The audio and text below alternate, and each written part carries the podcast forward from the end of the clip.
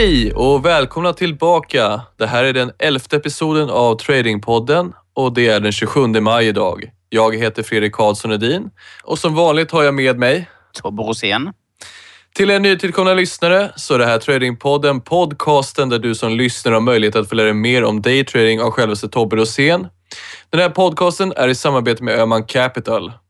Och som vanligt så ska jag dra min disclaimer innan vi presenterar dagens agenda.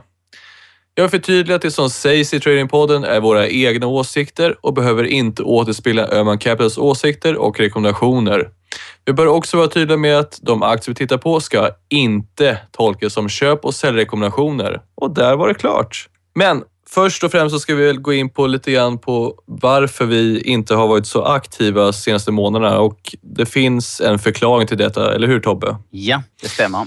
Det har ju gått två månader sedan förra episoden och i den här episoden så ska vi förklara vad som har hänt. Dessutom ska vi kolla på hur aktien och valutaparet vi tittar på har gått till och med idag. Och det är då eh, dels amerikanska dollarn mot svenska kronan och Sandvik och SKF.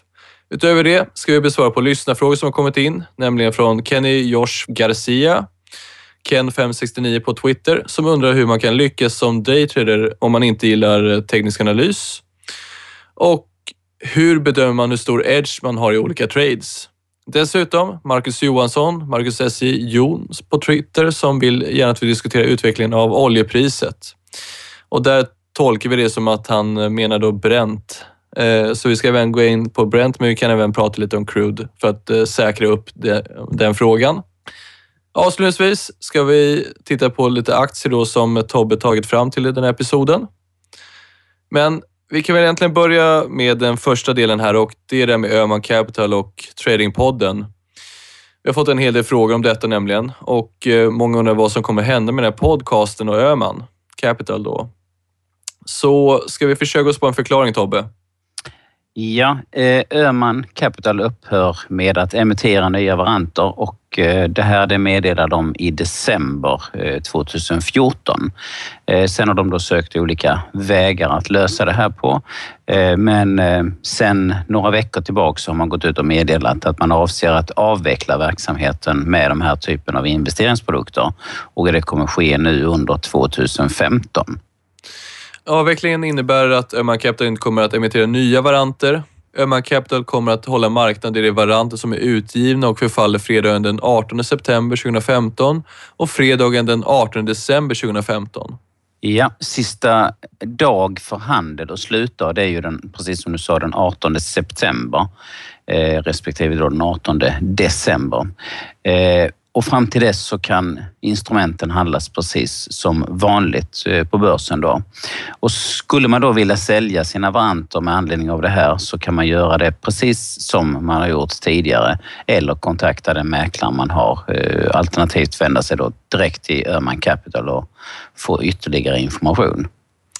Men då undrar man ju då förstås, vad händer med podden? Vi tycker givetvis att det är tråkigt och något vi inte hade räknat med. Vi hade hoppats på att det skulle ske en snabb lösning med allting som har hänt. Så vi hoppas att vi finner ett sätt att fortsätta som duo, eller hur Tobbe? Absolut. Vi fortlöper med information på Twitter och eh, vi försöker svara i den mån vi kan på de här frågorna som eh, kan uppstå. Och nu ska vi byta ämne då och gå in på de aktier och valutaparet då som vi tittade på förra episoden. Och eh, jag ska väl dels lämna över ordet till dig Tobbe. Vilken vill, du börja med? Eh, jag kan börja med eh, dollar SEK, eh, för jag har den framme på skärmen. Så att eh, jag tror jag tar den. Eh, och jag pratade ju då eh, om att vid de tillfällen som vi historiskt hade haft liknande utseende, liknande utveckling eh, och dollarn stärkts lika mycket, tagit sig lika långt upp över eh, primärtrenden så kunde man se tendenser till sättningar då.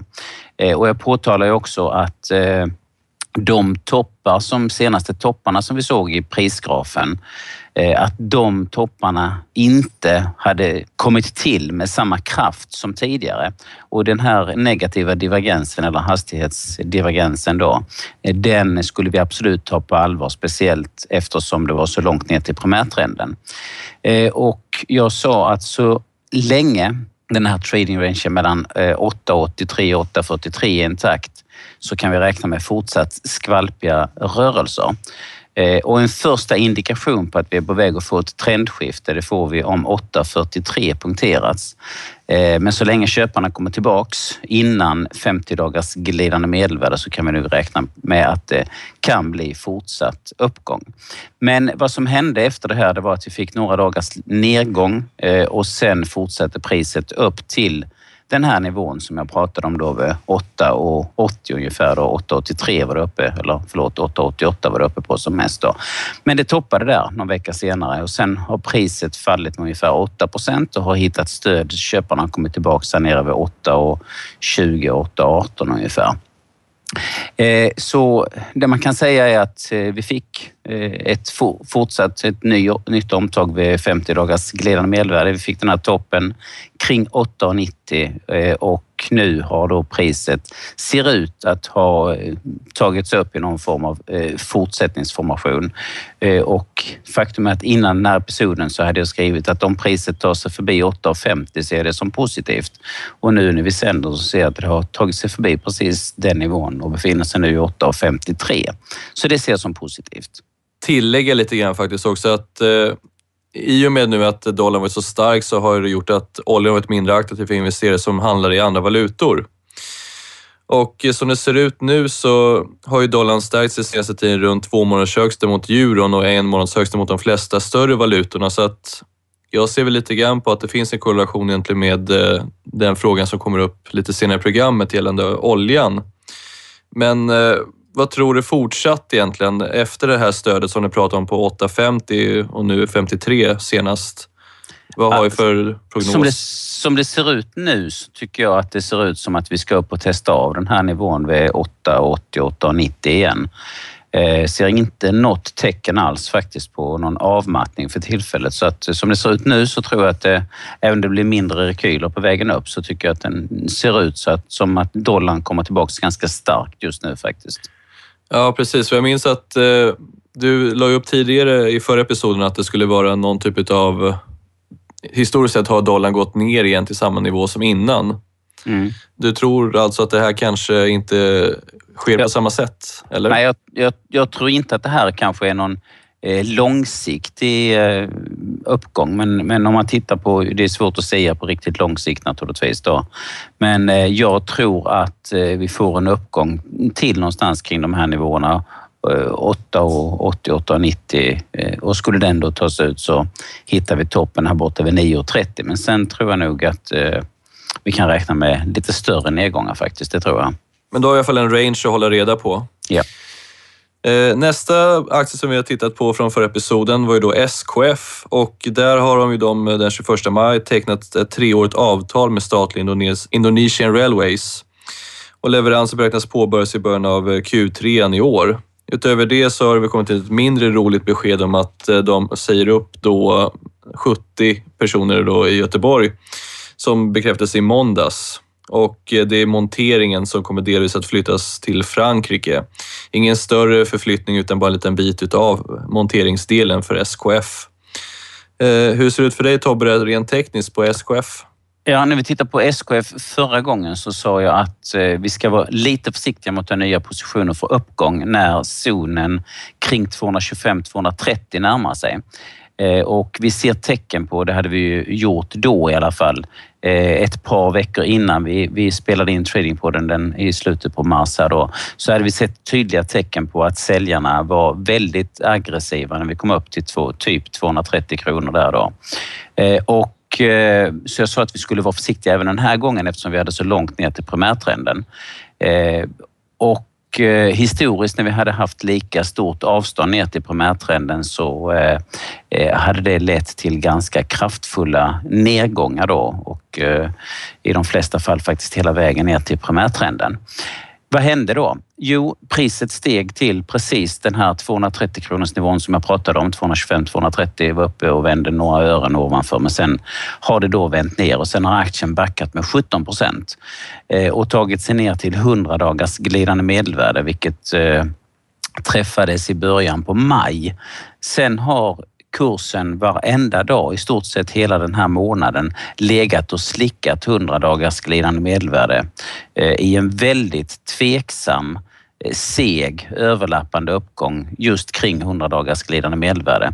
Och det är ett tecken på, vi ser att det tog ju bara några dagar att trycka ner kursen men det har då tagit flera veckor att komma tillbaks upp till ungefär eller knappt hälften av den här eh, absolut senaste nedgången då som var. Eh, och det är negativt och det tyder på att den här nedgången inte är riktigt färdig så jag tror faktiskt på eh, ytterligare nedgång i SKF den närmaste tiden. Men jag kan väl hålla med dig där. Det känns lite grann som att de har haft det lite motigt på sistone och eh, ja, från förra delårsrapporten så sa de att det ändå var oförändrat rent ekonomiskt när det kommer till just efterfrågan också. Ja. Men eh, vi fortsätter på Sandvik där. Där har ju hänt lite grann med eh, styrelsen. Johan Molin, Assa Abloys VD, blir ordförande i Sandvik efter alla fadäser som har hänt i, mellan SCA och den härvan som var. Johan är tidigare ordförande för bland annat köksbolaget Nobia och aktien steg 6% på det beskedet. Det är väldigt högt förtroende hos investerare för den här ordförande. Och eh, han har ju ett väldigt gott rykte om sig generellt så att det kan vara en riktigt bra grej för Sandvik. Däremot, Olof Faxander som är VD får eh, lite grann se upp för att det är faktiskt så att han hänger lite lös nu under året och eh, väntas bytas ut innan årets slut. Men Tobbe, vad har vi på Sandvik? Ja, eh, när vi tittade på Sandvik då eh, i slutet på mars så låg ju priset där kring eh, 97-98 kronor. Och och eh, då sa jag att i och med att 84 kronors nivån togs ut så har vi haft en fantastisk resa upp mot just den här nivån.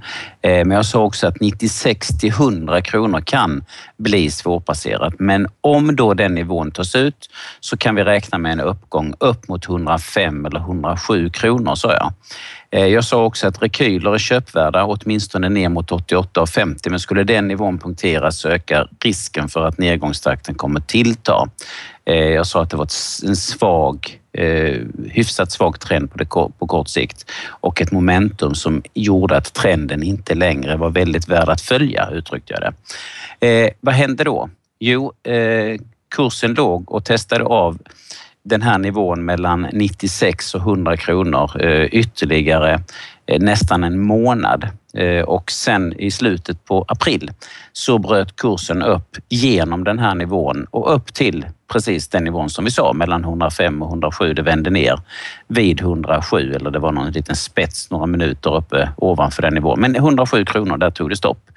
Och eh, sen har priset legat och konsoliderat och laddat upp för någonting då, ett utbrott och vi har haft en triangelliknande formation som vi fick ett utbrott för ungefär en vecka sedan. Eh, och eh, utbrott från sådana här brukar ju ske eh, uppåt i den långa trendens riktning och den är ju svagt uppåtriktad. Och jag tycker det ser ut som, vi ser faktiskt just precis nu när vi skriver att eh, aktien går ganska starkt nu. Och jag tror fortsatt på en ytterligare uppgång mer än vad jag tror på en nedgång i Sandvik. Har du någon typ av eh, range på vad vi ska titta på? Från 107 sa du att det fanns en topp och det fortsätter alltså uppåt? Ja, eh, som det är nu, jag tror att det kommer gå tungt även den här gången när vi kommer upp till den här nivån vid 107-108 kronor. Och det är en del brus upp faktiskt mot 110. Däröver är det ganska fritt, så skulle vi ta ut den nivån så tror jag att vi ska upp någonstans i det här området kring 120. Eh, 118-120 tror jag är nästa delmål som vi ska hålla koll på. Okej, okay, ja. Men då tar vi och noterar det så ska vi se om vi kan få in det till nästa och se vad som har hänt. Ja. Vi ska övergå då från de här aktierna och valutaparet till att gå över till vad vi har för lyssnarfrågor helt enkelt. Mm. Och vi kan väl börja uppifrån och ner med Kenny som har då undrat om man kan lyckas som daytrader även om man ogillar teknisk analys. Och känns lite konstigt att han är i det här programmet och ställer den frågan. Hur bedömer man också hur stor edge man har i olika trades? Och eh, ja, vi kan väl börja med att besvara första frågan i den. Kan man ja. lyckas?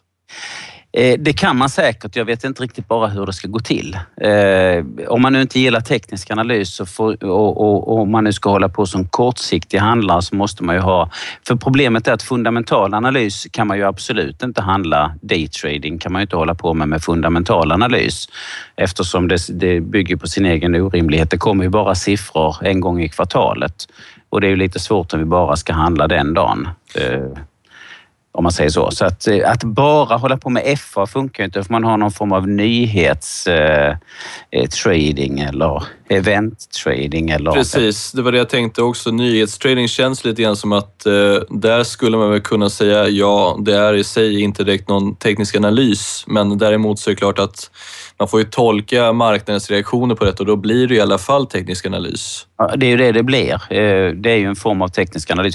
Och sen är ju problemet med, med med eh, nyhetstrading, om vi säger så. Man, man kan visst det. Jag vet, vet de som är duktiga på det där och som det går bra för.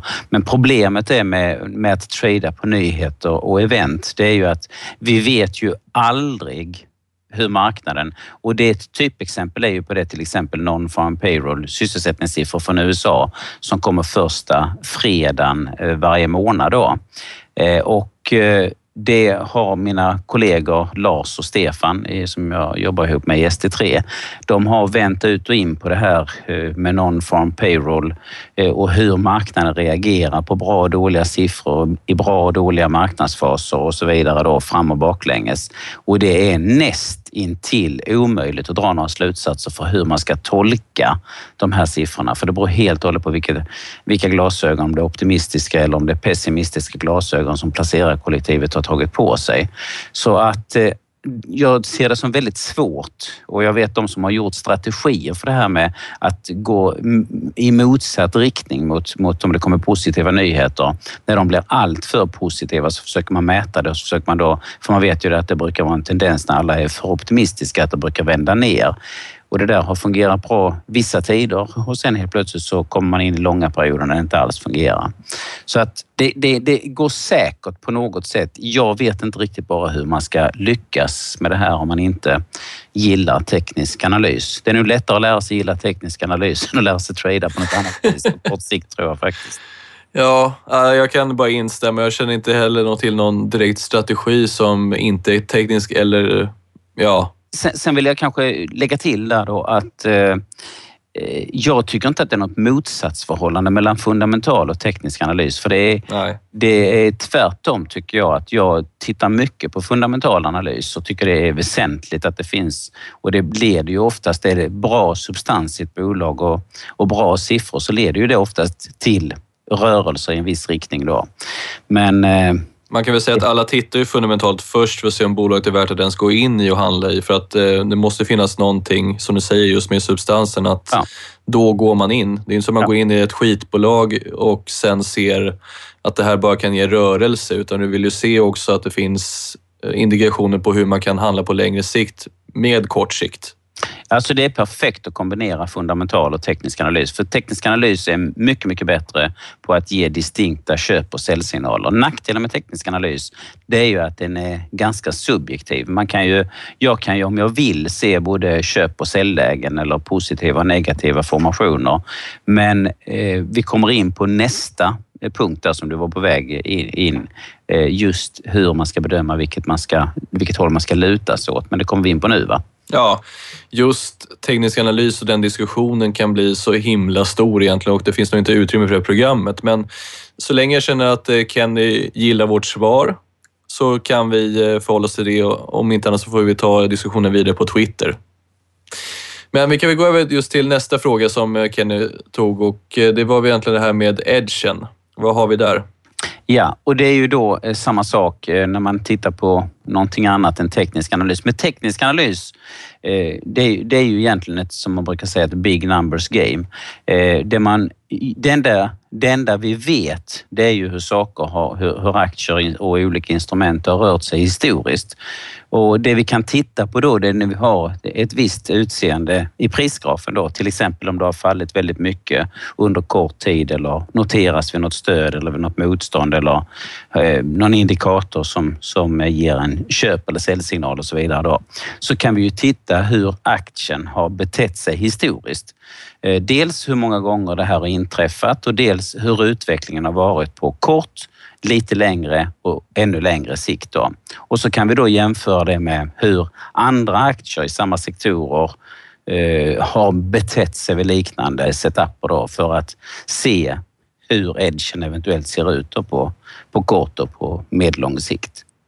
Precis, och då ska vi över till nästa fråga. Marcus Johansson som vill att vi diskuterar utvecklingen av oljepriset. Och eh, jag tänkte att vi, in, ja, vi börjar väl egentligen med att eh, vi utgår från att det är bränt som vi ska diskutera och så kan vi även prata lite om crude. Och man kan väl säga att crude-terminen dämpades något under Memorial Day som var i måndags och eh, vi hamnade runt 65 dollar per fat samtidigt som många marknader likt USA höll marknaden stängd. Däremot så är det fortfarande så att statistik från Asien och USA har kommit in eh, under föregående vecka och efterfrågan är fortsatt stark. Aprildata visar inget annat än eh, tecken på uppgång. Och eh, ja, vi har ju ändå stigit sedan lägsta nivån sedan fallet från i fjol. Och samtidigt som den här Memorial Day innebär ju då att mycket bilresande sker i USA och eh, American Automobile Association ger en prognos om en tioårshögsta i bilresandet i USA under den här tiden. Så allting pekar upp, men ska vi upp Tobbe? Ja, eh, återigen, jag kan inte låta bli att komma tillbaka till det här med fundamental och teknisk eh, eh, approach på det här. Eh, här ser vi, du har jättemånga poänger i det som du säger Fredrik. Eh, att man tittar på hur förbrukningen kommer att se ut och så vidare och så bildar man sig en uppfattning utifrån det då. Så kallade exogena faktorer, alltså utomstående faktorer. Hur ska de nu påverka oljepriset? Och så kommer man fram till att det ska stiga eller det ska falla på de här exogena faktorerna då. Det är fundamental analys. Men så helt plötsligt så bestämmer Saudiarabien, nej men nu ska vi producera tre gånger så mycket olja. Och då faller ju alltihop i alla fall. Precis. Jo, men det är klart. Jag menar, man får egentligen bara titta lite grann på ja. hur marknaden eh, skriver och tolkar alla nyheter. Även i den mörkaste marknaden så finns det ju ljusglimtar. Ja. Så är det. Men vad jag menar är att det, det är återigen det som jag, nu blir jag lite som en pastor här som predikar, men det är lite, lite grann det som är fördelen med teknisk analys. Att om Saudiarabien sätter igång och producerar för mycket olja eller att man kör mindre bil i USA eller någonting annat inträffar då, så kommer det synas i prisgrafen. Vi ser det direkt med våra kursstaplar hur det ser ut då. Eh, men det jag tror när det gäller oljepriset, det är om vi backar tillbaks lite grann här någon, någon gång till, till eh, början av året då. Då hade vi ju en rätt så kraftfull nedgång under hela hösten eh, och sen fick vi en lågpunkt här i mitten på januari vid 50 eh, eller förlåt, det bottnade vi till och med vid 45 dollar per fat var det nere och vände i som lägst. Och sen har priset segat sig uppåt och det har hela tiden varit snack om att det bara tillfälliga uppstudsar, tillfälliga... Eh, det kommer komma eh, en, ännu mer press på oljepriset neråt. Men priset har segat sig uppåt och vi hade en psykologisk nivå som jag har pratat om ganska länge mellan 60, 62 och 64 dollar per fat. Eh, och den testades av första gången här i februari och sen fick vi ett test i slutet på februari och sen fick vi ett test här i början, mitten på april. Och sen togs nivån ut och sen har priset hållit sig ovanför den här psykologiska 64 dollars nivån i stort sett hela tiden då. Fram till eh, för eh, några veckor sedan eh, då såg vi en tendens till en liten topp. Vi fick en svans på ovansidan här uppe från 70 ja, ungefär 70, knappt 70. Eh, och sen har priset fallit tillbaks ner och nu under några dagar testat av den här 64 dollars nivån och faktum är att nu igår så fick vi en punktering av den här nivån. Och vi har en stödnivå nu då kring 62-64 dollar per fat. Punkteras den nivån, ja då hittar vi ytterligare ett litet stöd här nere som jag tror kan suga upp säljtrycket för 60 dollar per fat. Men jag tror att om även den nivån punkteras, då tror jag att nedgångstakten kommer tillta och då kan man nog vara ganska aggressiv säljare tror jag faktiskt om vi kommer ner under det priset. Givetvis måste det ju påverka de här ekonomiska faktorerna i USA. Jag menar, jag, min vildaste fantasi säger mig att oljepriset är egentligen det som har fått igång de här allt starkare rapporterna under eh, årets början fram till nu. Mm, det måste ju vara riktigt bra smörjmedel för ekonomin med så lågt oljepris naturligtvis. Så det har ju kastat omkull många eh, teser som man hade tidigare då när vi helt plötsligt har fått så billig olja. Så det är klart att det är så. Eh, det är det, absolut. Eh, så frågan är ju, som sagt, det är ju alltid bara två saker som styr priset. Det är ju utbud och, och eh, efterfrågan naturligtvis. Så är det Exakt. så är det så man börjar trycka och öppna kranarna mer så kommer ju priset förmodligen att falla. Ja, jag har tittat mer och mer faktiskt just på oljelagren och eh, än så länge ser det väl ut som att det fortfarande bara ökar och ökar just i lager. Så att, eh, Mm. ja, jag vet inte alls, men eh, vad jag skulle uppfatta det som så ser det ut som att eh, oljepriset och förstås det rate hike som man egentligen pratar om, det är väl egentligen det som vi har som största hot mot den nuvarande tillväxten i USA. Mm. Väldigt, Ja. väldigt kort summerat. Ja, jag håller nog med där. Jag skulle vilja säga så här sammanfattningsvis när det gäller oljepriset att jag tror vi har en viktig nivå här uppe strax ovanför 70 dollar per fat och vi har en psykologiskt viktig nivå på nedsidan, en range på 10 dollar, alltså 60 dollar per fat. Och så länge priset håller sig i den rangen så tror jag att det kommer vara fortsatt skvalpigt, svårtradat, tvära kast. Eh, men den sida som tas ut i den riktningen tror jag man kan navigera.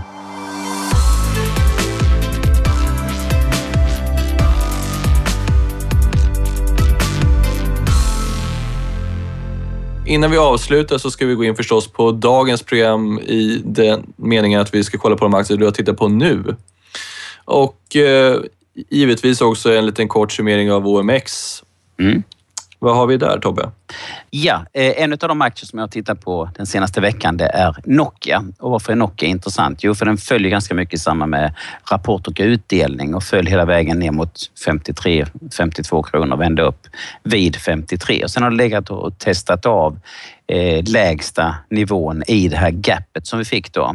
Testat av det ett par, tre gånger och sen i förra veckan så eh, tog den ut det här gapet och det var det jag skrev om och det jag tittade på just, just eh, när det gäller Nokia. Och jag sa att om den tar ut den här nivån vid 58,90 då är sannolikheten god för att vi ska täppa till gapet upp mot 62,80 ungefär. Och det har gått ganska snabbt och nu ser det här gapet ut att vara i det närmaste tilltäppt. Det som då är spännande det är att se om säljarna tar över och köparna börjar vackla nu när den här 62,80 nivån närmar sig. Skulle den tas ut, ja då tror jag att det går ganska snabbt upp mot 64, kanske till och med upp mot 65 kronor, men där tror jag att det kan börja gå tungt igen. Så eh, vi får nog jag tror att det kan vara klokt att vänta på ett nytt omtag och sen eh, om börsklimatet är fortsatt positivt så kan det se spännande ut i Nokia fortsättningsvis. Nästa grej kan ju vara OMX. Ja, OMX är ju intressant eh, av många skäl. Eh, vi, fick en, vi har ju haft en trading range här mellan 17.20 och 16.55.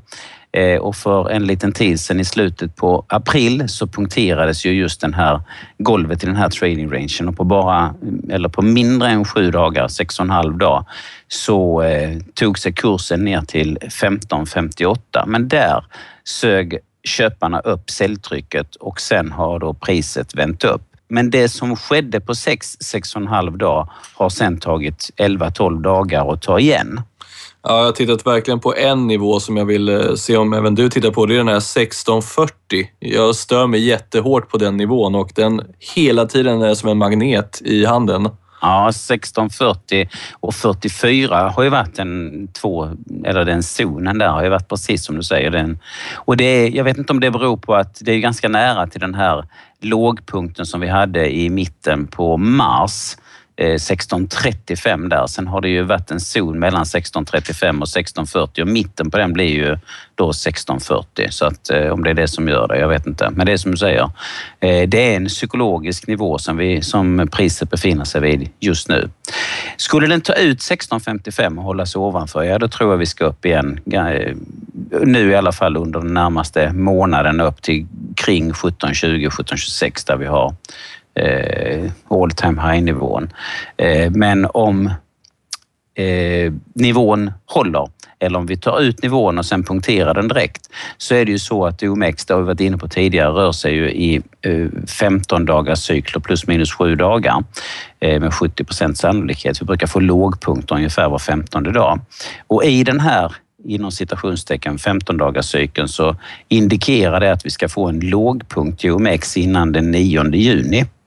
Och eh, det som är intressant då, det är att se vi har nu den här nivån eh, 1655 på ovansidan och så har vi då zonen Eh, taket för den här eh, trading rangen vid 1720.